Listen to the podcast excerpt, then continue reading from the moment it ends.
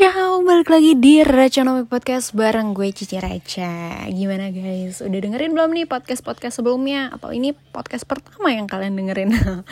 nah, hari ini aku pengen sharing nih teman-teman. Selama pandemi pasti kan tabungan juga banyak terkuras mungkin.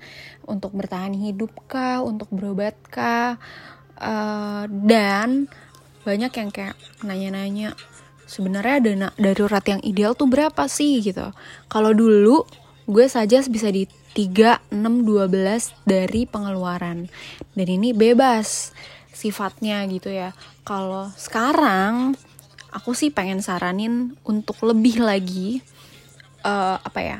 Untuk lebih aman lagi gitu ya karena dalam kondisi pandemi ini there's a lot of uncertainty yang kita nggak tahu apa yang bakal terjadi di ke depannya bahkan kita nggak tahu besok misalnya kita dipecat banyak yang tiba-tiba PHK kan? Atau misalnya um, tiba-tiba harus ada pengeluaran mendadak gitu. Banyak-banyak banget yang bisa terjadi. Nah teman-teman jadi ini suggestion dan aku pengen teman-teman buat mungkin bisa dua kali dari apa yang aku suggest. Kenapa? Karena balik lagi yang kita cari dalam hidup adalah keamanan. Stabil.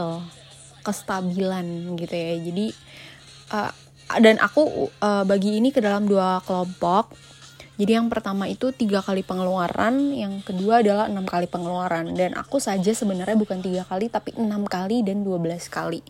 Kenapa? Karena rasi tiga bulan tuh akan berlalu dengan sangat cepat teman-teman. Dan kalau tabungan kita udah habis, kita udah nggak tahu harus dapat uang dari mana lagi. Jadi kenapa aku saranin untuk punya lebih banyak gitu ya? Nah, siapa sih yang bisa uh, punya tabungan darurat ini tiga atau enam kali pengeluaran dalam hal ini ya. Yang pertama adalah teman-teman yang mungkin profesinya gampang didapetin lagi. Jadi kalau misalnya teman-teman dipecat, momen untuk recovery-nya ini cepet dari kehilangan pekerjaan ke mendapatkan pekerjaan baru itu cepet. Misalnya,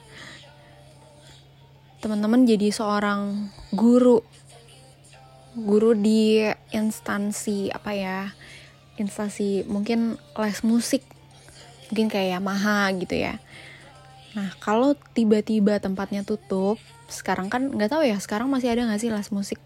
Cuman maksudnya kalau tiba-tiba tempatnya ditutup due to covid mungkin teman-teman akhirnya dipecat uh, kira-kira gampang nggak sih cari pekerjaan baru? Kalau ternyata gampang untuk dapat pekerjaan dengan penghasilan yang sama Iya berarti teman-teman aman masuk ke bagian penghasilan yang mudah gitu. Terus yang kedua adalah uh, untuk teman-teman yang punya pasangan berpenghasilan.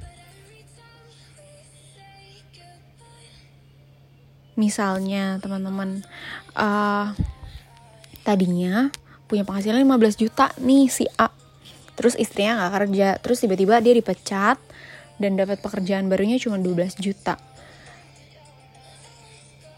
tapi saat gajinya jadi 12 juta, istrinya sekarang jadi kerja, jualan di WhatsApp, jualan online. Dengan gaji 3 juta per bulan.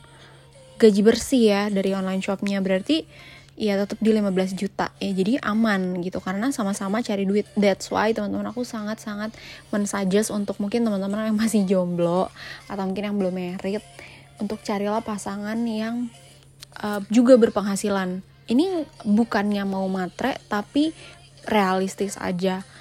Uh, jangan sampai nanti pas udah jadi pasangan beneran uh, jadi nyusahin gitu. Karena nantinya yang susah juga hidup teman-teman sekalian gitu.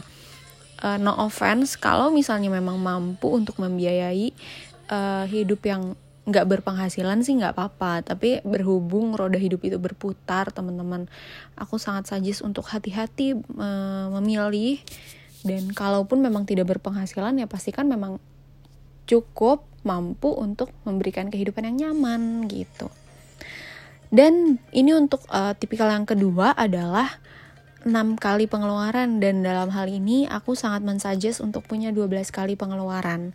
Kenapa? Karena kita nggak tahu nih kalau apa yang bisa terjadi dan dalam waktu berapa lama kita bisa recovery. Karena dalam kategori ini biasanya teman-teman yang punya kehidupan yang sangat penuh dengan ketidakpastian.